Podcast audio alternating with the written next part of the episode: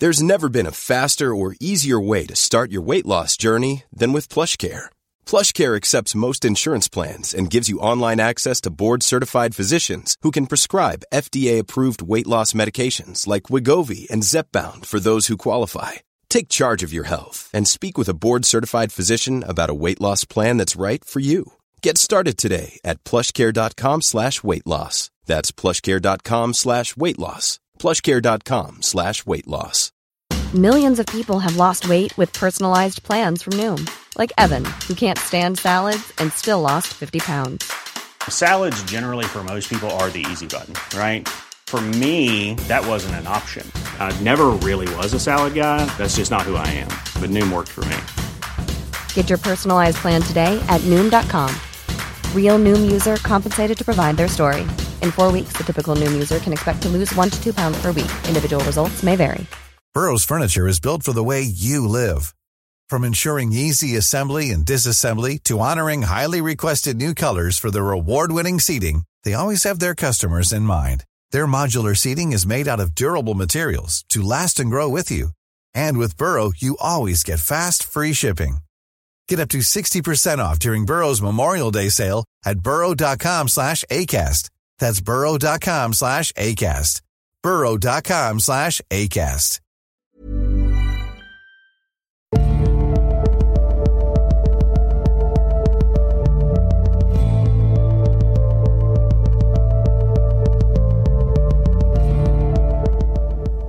Hei og velkommen til eh, Tåkeprat. Jeg heter Even, og nå er vi kommet til episode 24, søndag den 14. mai 2017. Når eh, jeg startet denne serien, så sa jeg at dette nok var det mest ambisiøse prosjektet jeg har kastet meg over her i Tåkeprat. Og det står jeg virkelig ved enda. Når folk spør meg om hva podkasten min handler om, så svarer jeg nå om dagen at jeg holder på med en serie om Jim Jones og People's Temple.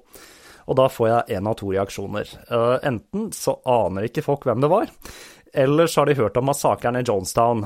Og i det sistnevnte tilfellet så følger ofte spørsmålet hvorfor gjorde de det? Og til det spørsmålet så har jeg rett og slett ikke noe enkelt svar. Og denne serien er det nærmeste jeg kommer til å gi et svar på hvorfor de gjorde det. Slik det ser ut nå, så blir dette da en serie i seks deler, noe som blir den lengste tåkepratserien til dags dato, og ikke akkurat et kortfattet svar. Som alltid når jeg jobber med et tema, så kommer jeg veldig nære innpå personene og historien, og i tilfelle med People's Temple så er ikke dette like koselig. People's Temple gjennomsyrer livet mitt i disse dager, blant annet i drømmene mine, noe som da bekrefter at HP eh, Lovecrafts kreative drømmeteknikker har noe for seg. I denne episoden så skal jeg se på hva vi kan kalle den tredje fasen i People's Temple. I eh, Indiana så var tempelet i stor grad en veldedig organisasjon, i Ukiah et kirkesamfunn, og nå blir tempelet mer en politisk bevegelse som begynner å slå røtter i legitime politiske organisasjoner, og de skaffer seg flere av de allierte blant radikale grupper. Og når jeg forteller denne historien, så kan det kanskje være verdt å merke seg at eh, Jim Jones han så ut som en slags eh, country- eller rockestjerne i denne perioden. I eh, hvite dresser og alltid med solbriller, noe som nok hadde en sammenheng med lysømfintlighet pga. hans utstrakte rusbruk. Han var også til enhver tid omgitt av livvakter, noe han ville forklarte at skyldtes alle truslene mot han. Og da er det bare å spenne på seg diskodressen når jeg fortsetter historien om Jim Jones og People's Temple i San Francisco i den andre halvdelen av 70-tallet.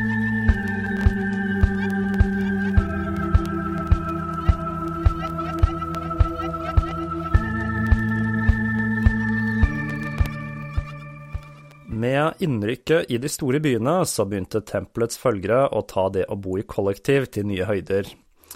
Joyce Shaw og Bob Houston de jobbet eh, på kontorene til eh, People's Forum, denne blekka til People's Temple, altså, i en tilværelse der det å sove minst mulig og jobbe mest mulig ble forherliget. Det hendte rett som det var at de to hadde gått både tre og fire dager uten søvn. Og i tillegg til dette så var boforholdene trange, med flere arbeidere stappet inn i små hus, og Joyce hadde en periode da hun måtte sove på gangen i et av disse for å få sin sårt eh, tiltrengte søvn. Joyce eh, skriver et brev til Jones og ber om å få tillatelse til å finne en jobb utenfor kirken, og hun argumenterer med at hun kunne bruke talentene sine på en bedre måte utenfor eh, tempelet. Jones han eh, innvilger dette ønsket, men like etter så blir hun og Bob tilkalt til et møte i Planning Commission, og de blir bedt om å gifte seg.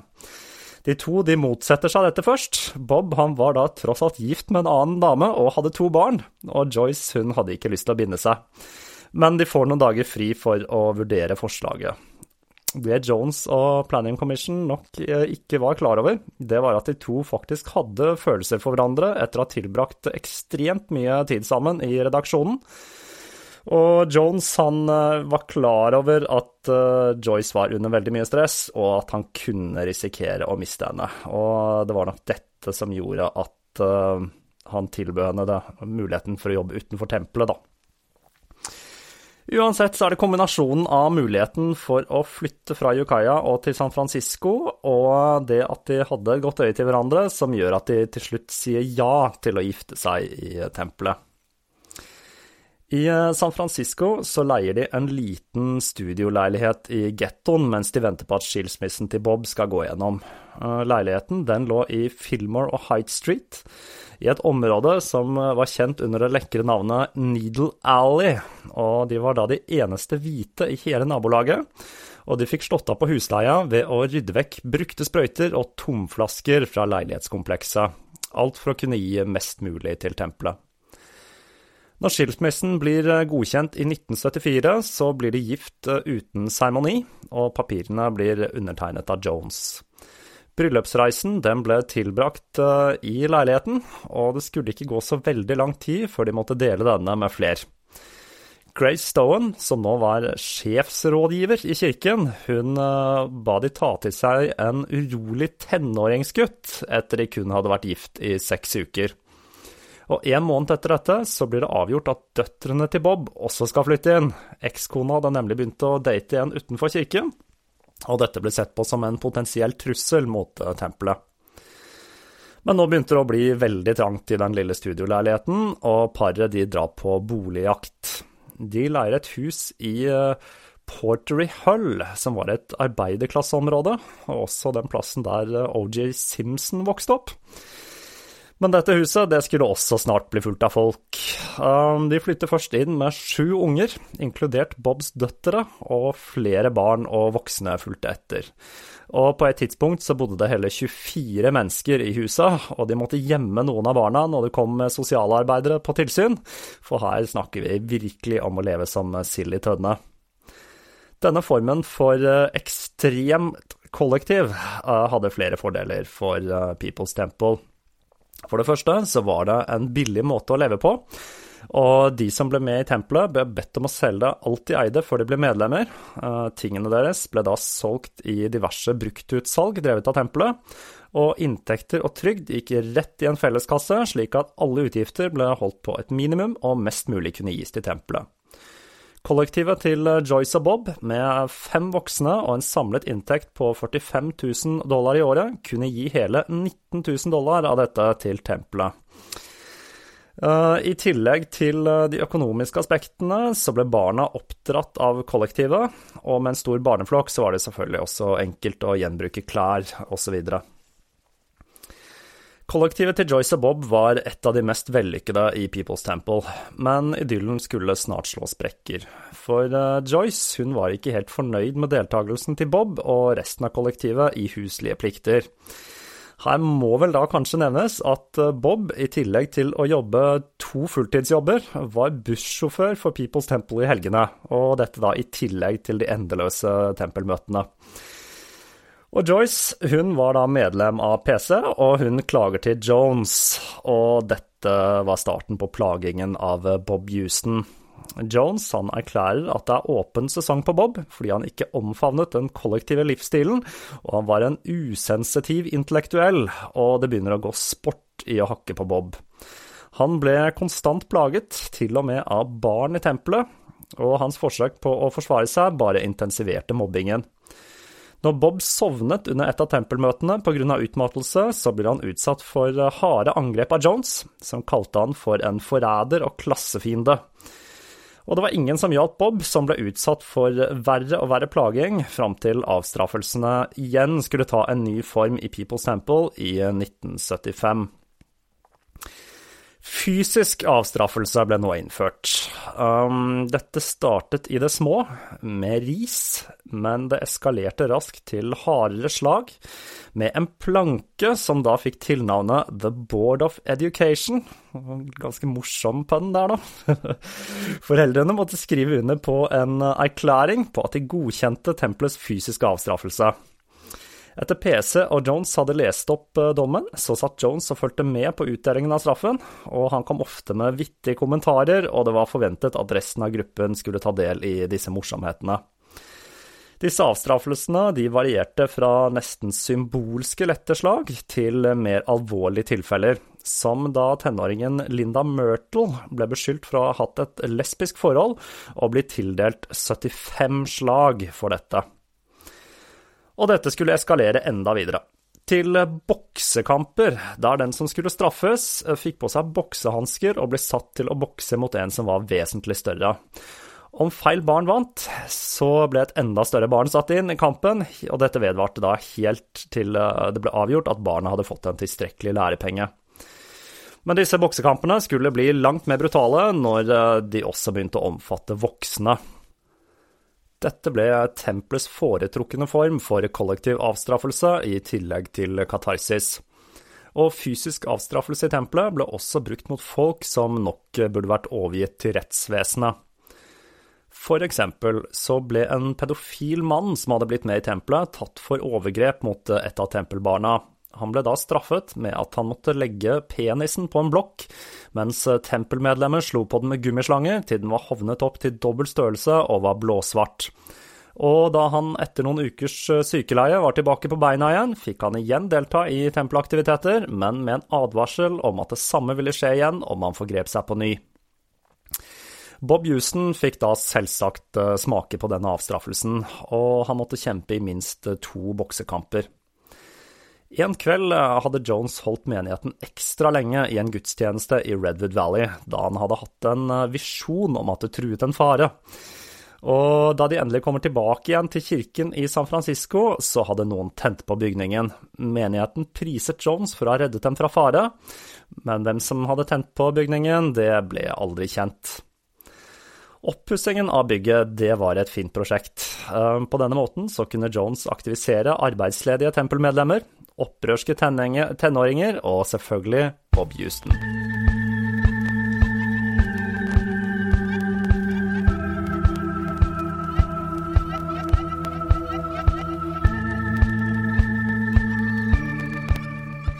På midten av 70-tallet var San Francisco en krutt tønne, og det krydde av organisasjoner som kjempet for raselikhet og sosiale rettigheter.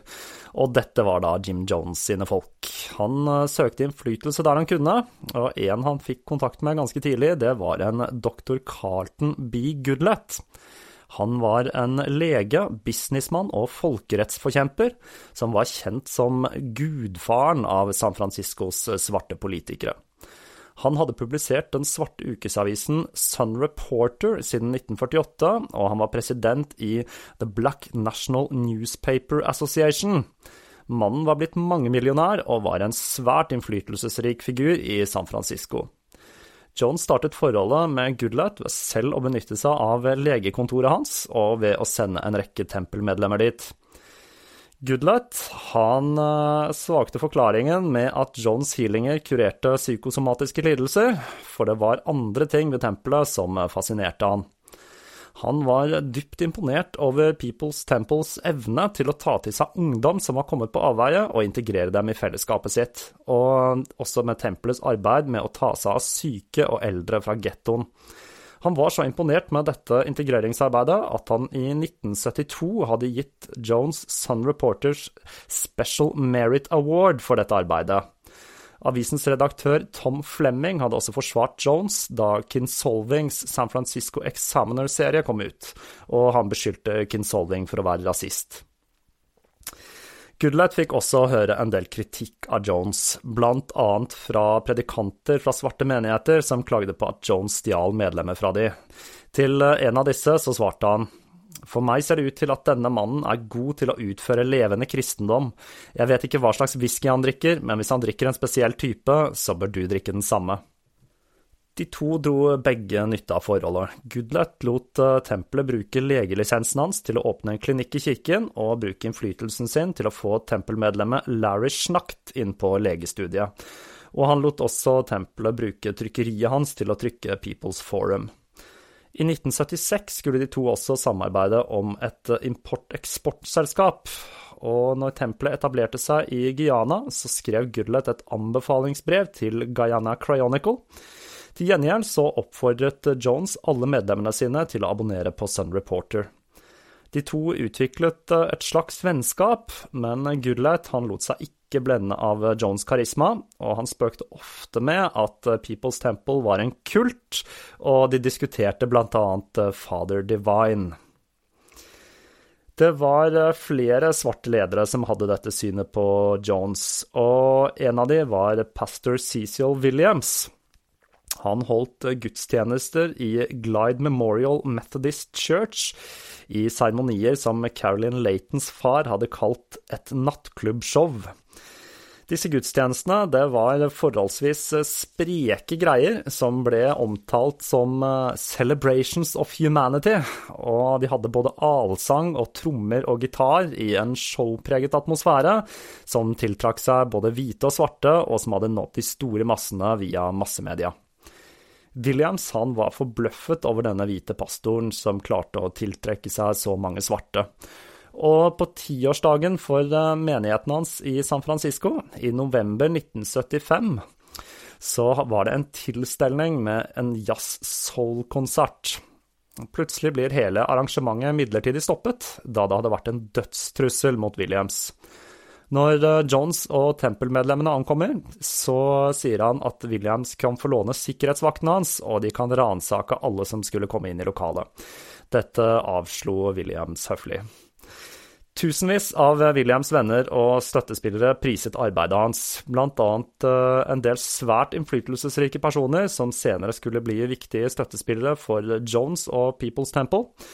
Blant disse var Goodlett, Angela Davis, en eh, svært markant figur i folkerettsbevegelsen og leder for kommunistpartiet. State Assemblyman Willy Brown og en kommende borgermester, George Moscone. Og i denne forsamlingen så kunne Jones eh, knapt styre seg. Jones ble geleidet av sikkerhetsvaktene sine til scenen til elleville jubelrop fra 1000 tempelmedlemmer i forsamlingen.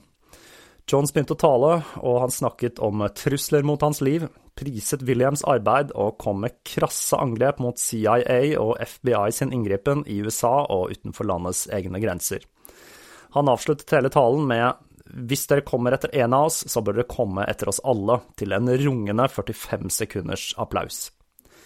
Williams på den andre siden, han fikk eh, kun en brøkdel av mottagelsen eh, Jones fikk, og fornærmelsen den ble komplett da Jones' 1000 eh, tempelmedlemmer forlot lokalet i midten av showet hans. Jones han unnskyldte seg et par dager senere og forklarte at det hadde oppstått en nødsituasjon som gjorde at han måtte dra tidlig. Men Jones han slet litt med å få innpass i de svarte miljøene i San Francisco, for til tross for alt snakket om raselikhet, så la folk merke til at det stort sett var hvite i ledelsen til People's Temple, noe Goodlett, Williams og Willy Brown bemerket flere ganger. Det var ordførervalget i San Francisco i 1975 som skulle gi Jim Jones innpass i politikken, Senator George Moscone han kjempet om stillingen med den konservative John Barbaglata. Og pga. en endring i valgkampsystemet så var det ikke lenger mulig å bruke like mye penger som tidligere. Og begge kandidatene var avhengig av frivillig arbeid, og det var selvfølgelig her tempelet kom inn. Noen foreslo at de skulle spørre tempelet om hjelp til valgkampen, og da spesielt med de svarte nabolagene. Jones han sier seg mer enn villig til å hjelpe til, og han bidrar med ca. 200 frivillige som går dør til dør i svarte nabolag, og Moscone han vant med en knapp margin med 4000 stemmer. Flere tok æren for den knappe seieren, inkludert Jim Jones. Han skrøt av at eh, flere tusen medlemmer av People's Temple hadde stemt på Moscone, noe som imponerte veldig, men dette var da langt fra sannheten, da det var maksimalt et par hundre tempelmedlemmer som hadde stemmerett i San Francisco det året. Men med dette så hadde Jim Jones markert sin politiske innflytelse, noe han visste å utnytte. Rett etter valget så inviterer han et par lokale politikere til å være med i en dokumentarfilm om tempelets arbeid med underprivilegerte. De stiller ledende spørsmål til politikerne, og kryssklipper dette med en film fra en av gudstjenestene i San Francisco-tempelet, komplett med Jones' helbredelser, sånn at det skal virke som om politikerne bifaller disse. Flere ble også invitert til iscenesatte gudstjenester, middager og andre sosiale arrangementer i regi av People's Temple. Jones eh, gjorde det han kunne for å få foten innenfor i det politiske systemet, og etter et år med taktisk spill og tempelmedlemmer som systematisk oppfordret Moscone til å gi Jones en stilling i bystyret, så gir han til slutt etter, og han utnevner Jones til en plass i Human Rights Commission, den samme stillingen Jones hadde hatt i Indianapolis 15 år tidligere. Men dette var da ikke nok for Jones. Han takker nei til denne stillingen, og igjen så gir Moscone etter, og Jim Jones han får en stilling i San Francisco Housing Authority. Det var da komiteen som styrte offentlige boligprosjekter. Før eh, Jim Jones ble et medlem av denne komiteen, så var disse møtene grå, kjedelige bystyremøter. Men dette endret seg nå radikalt. Jones han kjørte inn busslaster med tempelmedlemmer som applauderte alle forslag fra Jones, enten det gjaldt å bedre forholdene for de fattige, få slutt på korrupsjon eller kutte kostnadene til byråkrati. Det var så mange folk til stede at de måtte flytte plassen der komiteen møttes, til større lokaler, og Jims popularitet gjorde at han raskt ble utnevnt til styreleder. Selv om bystyret hadde sine egne politifolk til å passe på under møtene, så troppet Jim Jones opp med egne livvakter, og de passet til og med på at ingen andre gikk inn på toalettet samtidig som Jones. Han fikk etter hvert også inn andre dedikerte tempelmedlemmer, blant annet Carolyn Layton. Jones var igjen i medienes søkelys, og ikke alle hadde glemt artikkelserien til Kinsolving, men Jim han var nå obs på disse, og han gjorde det han kunne for å fremstå som en seriøs politisk stemme. Han innyndet seg også med politi og rettsvesen i San Francisco, og med tempelets hjelp så får Tim Stowen en jobb ved statsadvokatens kontor. People's Temple gjennomsyret nå hele det politiske systemet i San Francisco. Men Jim Jones fikk fremdeles en blandet mottagelse blant de svarte organisasjonene. Jim Jones og to andre Tempel-medlemmer ble med i styret til There's never been a faster or easier way to start your weight loss journey than with PlushCare. PlushCare accepts most insurance plans and gives you online access to board-certified physicians who can prescribe FDA-approved weight loss medications like Wigovi and Zepbound for those who qualify. Take charge of your health and speak with a board-certified physician about a weight loss plan that's right for you. Get started today at plushcare.com slash weight loss. That's plushcare.com slash weight loss. Plushcare.com slash weight loss. If you're looking for plump lips that last, you need to know about Juvederm lip fillers. With Juvederm Volbella XC and Juvederm Ultra XC, your lip look, whether it's subtle or bold, can last up to one full year with optimal treatment and no additional maintenance. Find a licensed specialist and see if it's right for you at juvederm.com today. That's J U V E D E R M.com. Add fullness to lips in adults over 21 with Juvederm Volbella XC or Juvederm Ultra XC. Do not use if you have severe allergies or a history of severe allergic reactions, or if you're allergic to lidocaine or the proteins used in Juvederm. Tell your doctor if you have a history of scarring or taking medicines that decrease the body's immune response or that can prolong bleeding. Common side effects include injection site redness, swelling, pain, tenderness, firmness, lumps, bumps, bruising, discoloration, or itching. As with all fillers, there's a rare risk of unintentional injection into a blood vessel, which can cause vision abnormalities, blindness, stroke, temporary scabs, or scarring. For full important safety information, visit juvederm.com.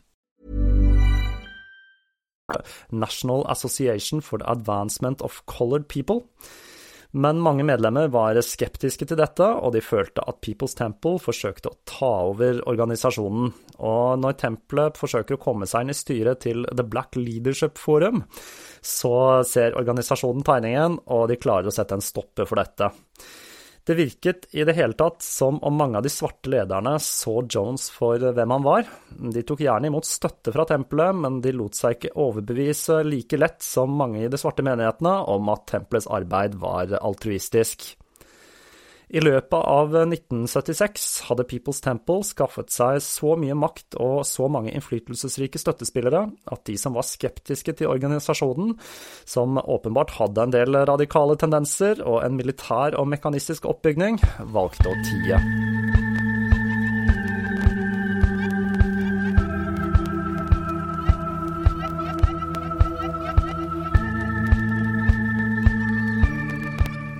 I mellomtiden var det enda en politisk arena hvor uh, tempelet trengte innflytelse, i Guyana.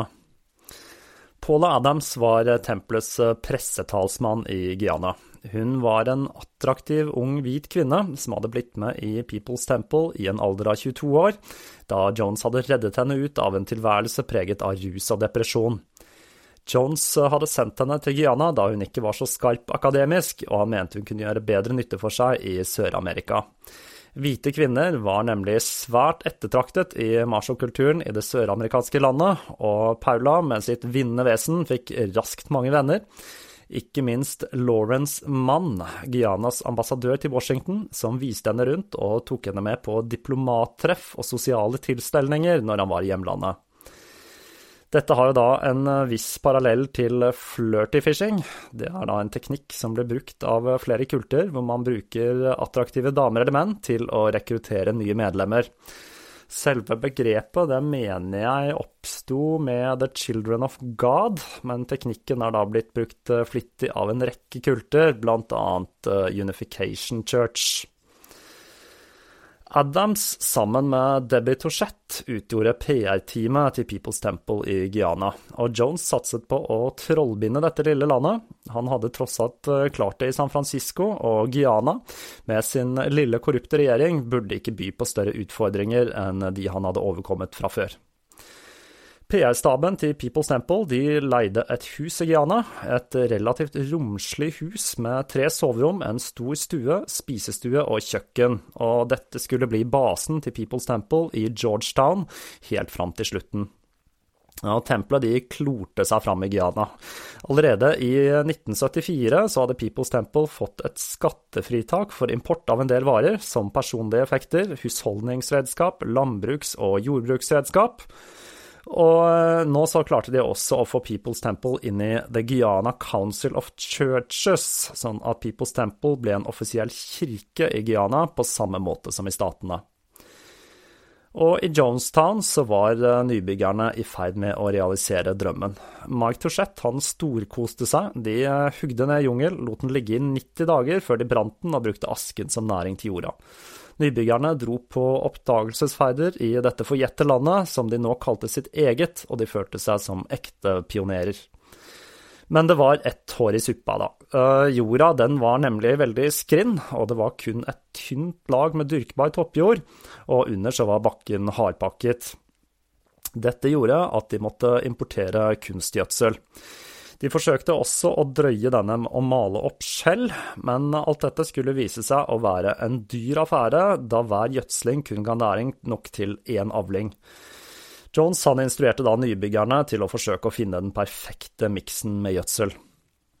De fikk tilsendt en rekke landbruksmaskiner, lastebiler, kraner og aggregat. Men akkurat som den flotte båten de hadde fått, så var disse i svært tvilsom stand, og kun ett av aggregatene de fikk tilsendt, virket.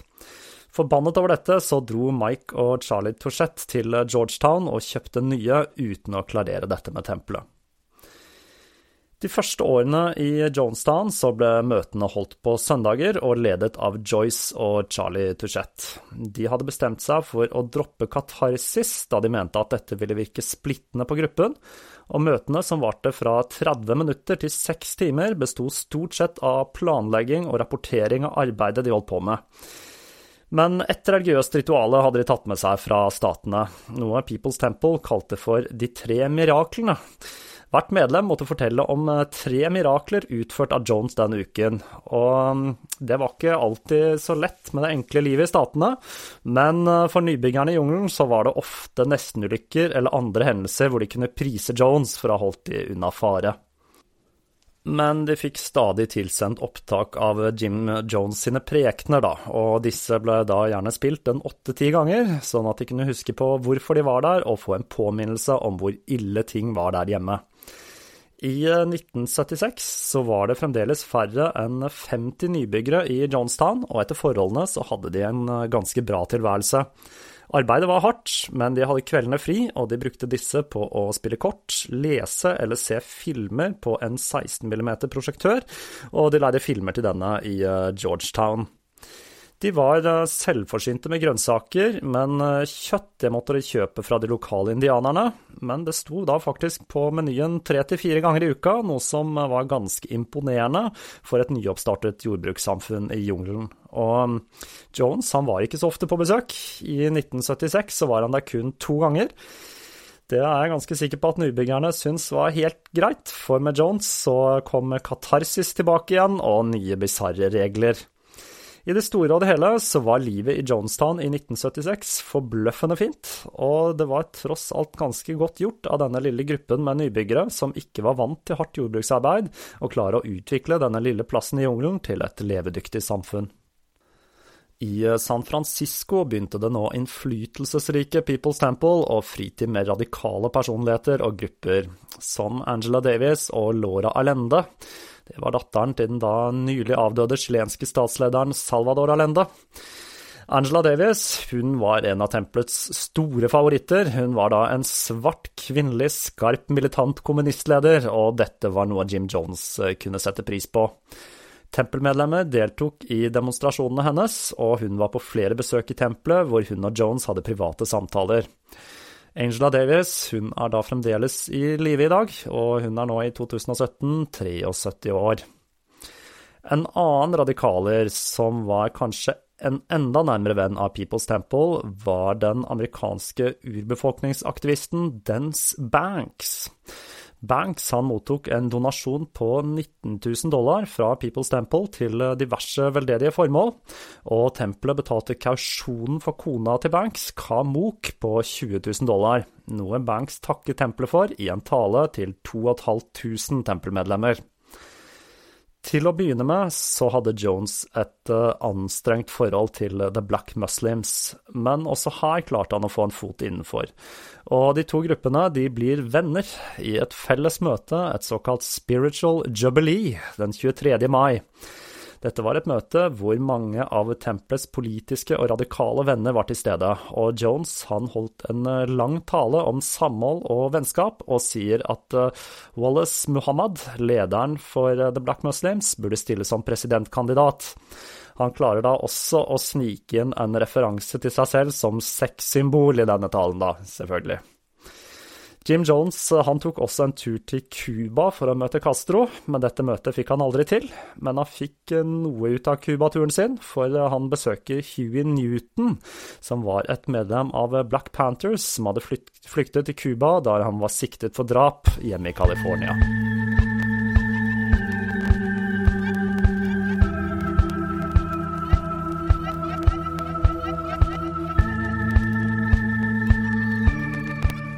Grace Stowen hadde sett ekteskapet sitt gå i oppløsning. Hun hadde måttet gi fra seg barnet sitt til en kollektiv oppdragelse i People's Temple. Hun hadde blitt skjelt ut i PC-møter for ikke å si at Jones var barnets rette far. Hun hadde sett sønnen bli slått foran hele menigheten. Hun hadde hørt Jones fortelle at mannen hennes var homofil. Hun hadde sittet i PC-møter når Jones viftet med en pistol og truet med å skyte henne om hun sovnet. Hun hadde sett folk bli transportert som kveg i bussene mens Jones gasset seg i sin egen luksuskupé, og hun hadde sett Jones lureri og falske mirakler. Og i juli 1976 så fikk Grace Stowen nok. Hun hadde alliert seg med en mekaniker i tempelet, Walter Jones, og etter en kveld med særs brutale avstraffelser og boksekamper, så sier hun til Walter jeg orker ikke mer, dette er for mye. Hun forsvant fra San Francisco-tempelet uten et ord, og dukker opp i Redwood Valley, hvor hun hentet tingene sine før hun kjørte av gårde. De to flyktet til Lake Tahoe på grensen mellom California og Nevada. Jones var rasende. Grace var en av nøkkelpersonene i organisasjonen hans, og han visste at dette betød trøbbel. Han raste mot Grace i PC-møter og dro fram alle privilegiene Stowen-familien hadde hatt i tempelet, og mange var enig i Jones' retorikk. Stowen-familien levde et bedre liv enn de fleste i People's Temple, og ikke bare materielt. Grace hadde da også fått lov til å føde sitt eget barn. Og det var Victor Stowen som var Jones' trumfkort, og han sverget da på at Grace aldri skulle få gutten. Victor han var blitt formet av oppveksten i tempelet, og allerede da han var tre og et halvt år, så kunne gutten sosialistisk retorikk, og han oppførte seg som en liten utgave av Jim Jones, og han var maskotten til People's Temple. Jones han spinner da selvsagt en historie rundt eh, avhoppingen til Grace, hvor hun hadde vært utakknemlig mot Jones, selv om han hadde gitt henne sine seksuelle gaver, noe som da alle kvinner burde være veldig takknemlige for. Men som alle andre avhoppere så klarer ikke Grace å bryte tvert med tempelet. Kun én dag etter hun hadde forlatt eh, People's Temple, så ringer eh, Grace til Jim Jones for å forklare hvorfor hun hadde hoppet av. Jones spiller på skyldfølelsene hennes og følelsen hun hadde for Victor, og han forsøker å få Grace til å røpe hvor hun var. Han lyktes da ikke i dette, men han klarer i god gammel politifilmstil å spore opp samtalen og finner ut at Grace hadde ringt fra et område i Nevada, og Jones begynner arbeidet med å spore opp Grace. Vi vet eh, ganske mye om disse samtalene, for de ble nemlig tatt opp av Jones. De to har flere samtaler over de kommende ukene, og de inngår til slutt en avtale.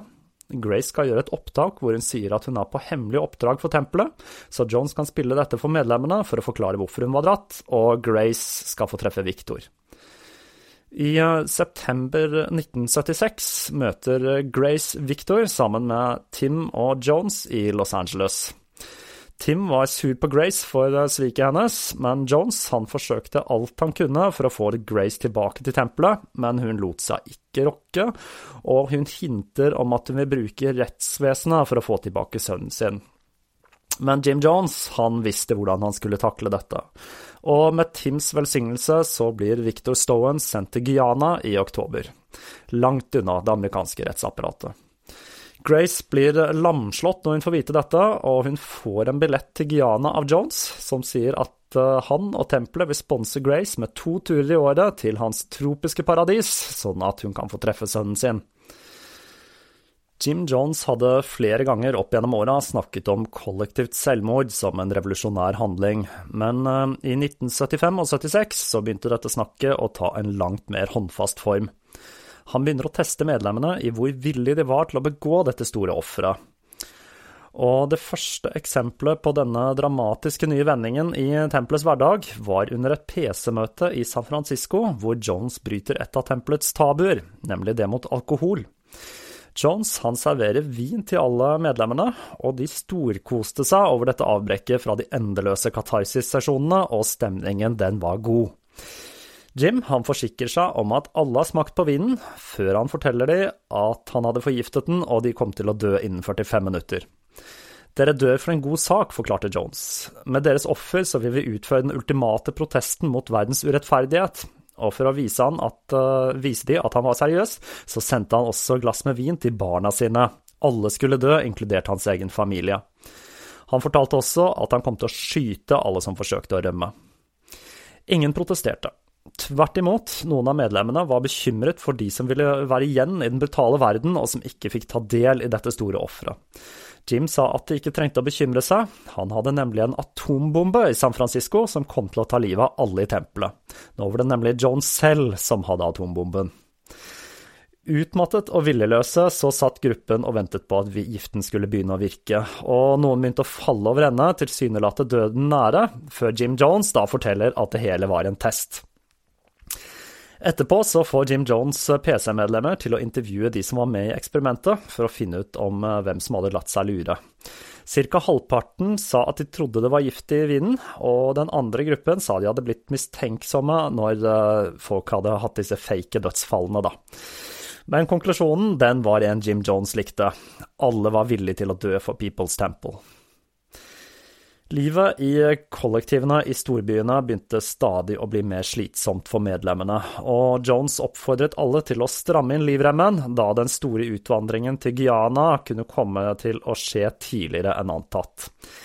Et av sparetiltakene som ble gjennomført, var at alle måltider måtte inntas i messa i tempelet i Jerry Boulevard, noe som skapte en del logistiske problemer eh, når medlemmer måtte skytles fram og tilbake for å få spist.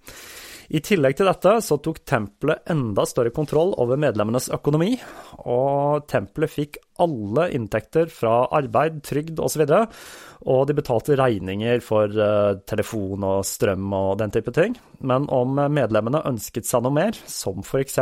tannkrem, så måtte de skrive en søknad for å få tildelt midler til dette. Desillusjonert og utmattet så hopper også Joyce eh, Shaw av og forlater kollektivet og Bob.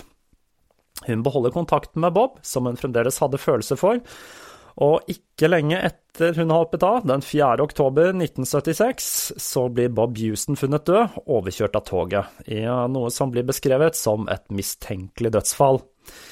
Ikke lenge etter så blir Joyce truet av Carolyn Laton, som forteller at hun har en tilståelse Joyce hadde skrevet under på, hvor eh, hun eh, skriver at eh, hun og Bob hadde misbrukt barna i tempelet seksuelt. Med Bobs dødsfall og trusler mot Joyce fra tempelet, så fatter en journalist igjen interesse for People's Temple, nemlig Tim Reitemann i San Francisco Examiner. Han skulle selv bli en del av historien om People's Temple, og senere skulle han skrive om sine opplevelser i Guyana i boken Raven. I 1976 fikk Jones treffe USAs kommende førstedame, Rosalind Carter. Fru Carter hun var invitert til The San Francisco Democratic Central Committee sine nye valgkamplokaler, og det var sendt ut tusentalls invitasjoner for å fylle opp lokalet til innvielsen. Men de var redd det ikke skulle komme nok folk, og da fikk noen ideen om å spørre Jim Jones og People's Temple om hjelp. Jones sa at han ville gjerne hjelpe til, men da ville han sitte ved siden av fru Carter på podiet, og slik ble det. Jim Jones, som nå så mer og mer ut som en eh, country- og westernartist, ble som vanlig mottatt med trampeklapp og jubelrop i noe som var litt av et eh, spektakel i et lokale fylt opp av Secret Service og Jones sine livvakter. Og etter dette arrangementet så får han innvilget en audiens hos eh, fru Carter, i noe som da kan beskrives som en uformell prat over kaffe i 15 minutter. Jones blåser da selvsagt dette opp til en stor sak i People's Forum, hvor man kunne lese at Jones hadde blitt invitert av selveste fru Jimmy Carter. Og høydepunktet i 1976 var når Jones i september arrangerer en stor gallamiddag med en rekke prominente gjester fra det politiske establissementet og en rekke radikale aktivister.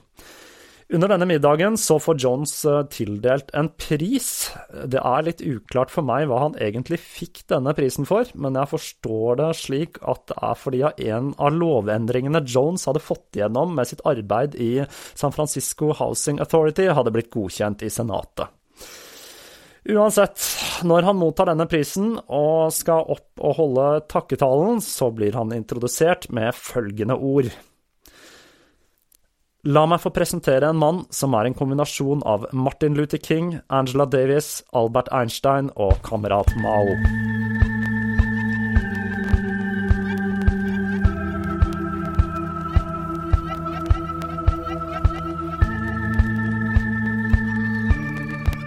I 1976 var People's Temple en svært innflytelsesrik og på mange måter akseptert bevegelse i San Francisco.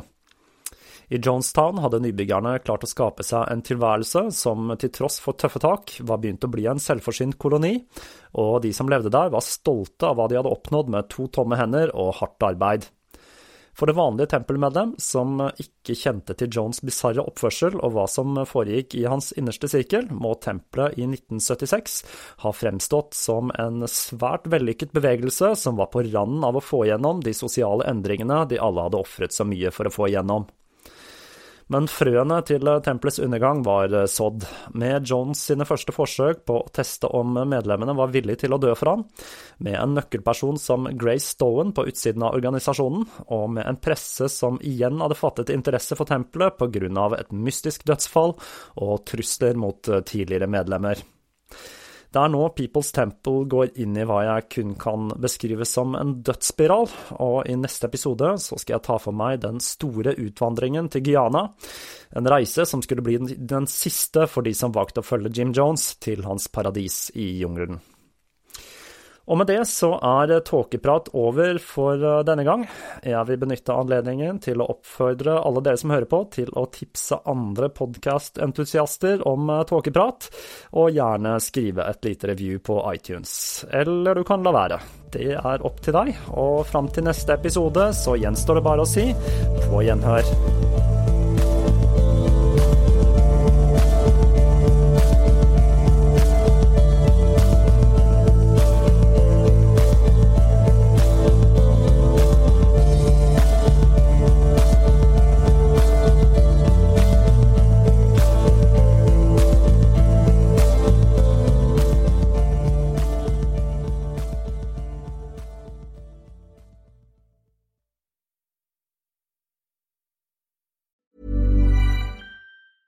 Even when we're on a budget, we still deserve nice things. Quince is a place to scoop up stunning high-end goods for 50 to 80% less than similar brands. They have buttery soft cashmere sweaters starting at $50, luxurious Italian leather bags, and so much more. Plus, Quince only works with factories that use safe, ethical, and responsible manufacturing. Get the high-end goods you'll love without the high price tag with Quince. Go to quince.com/style for free shipping and 365-day returns. Planning for your next trip?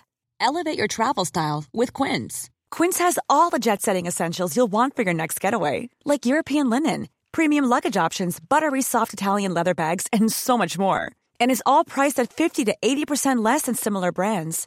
Plus, Quince only works with factories that use safe and ethical manufacturing practices. Pack your bags with high-quality essentials you'll be wearing for vacations to come with Quince. Go to quince.com slash pack for free shipping and 365-day returns.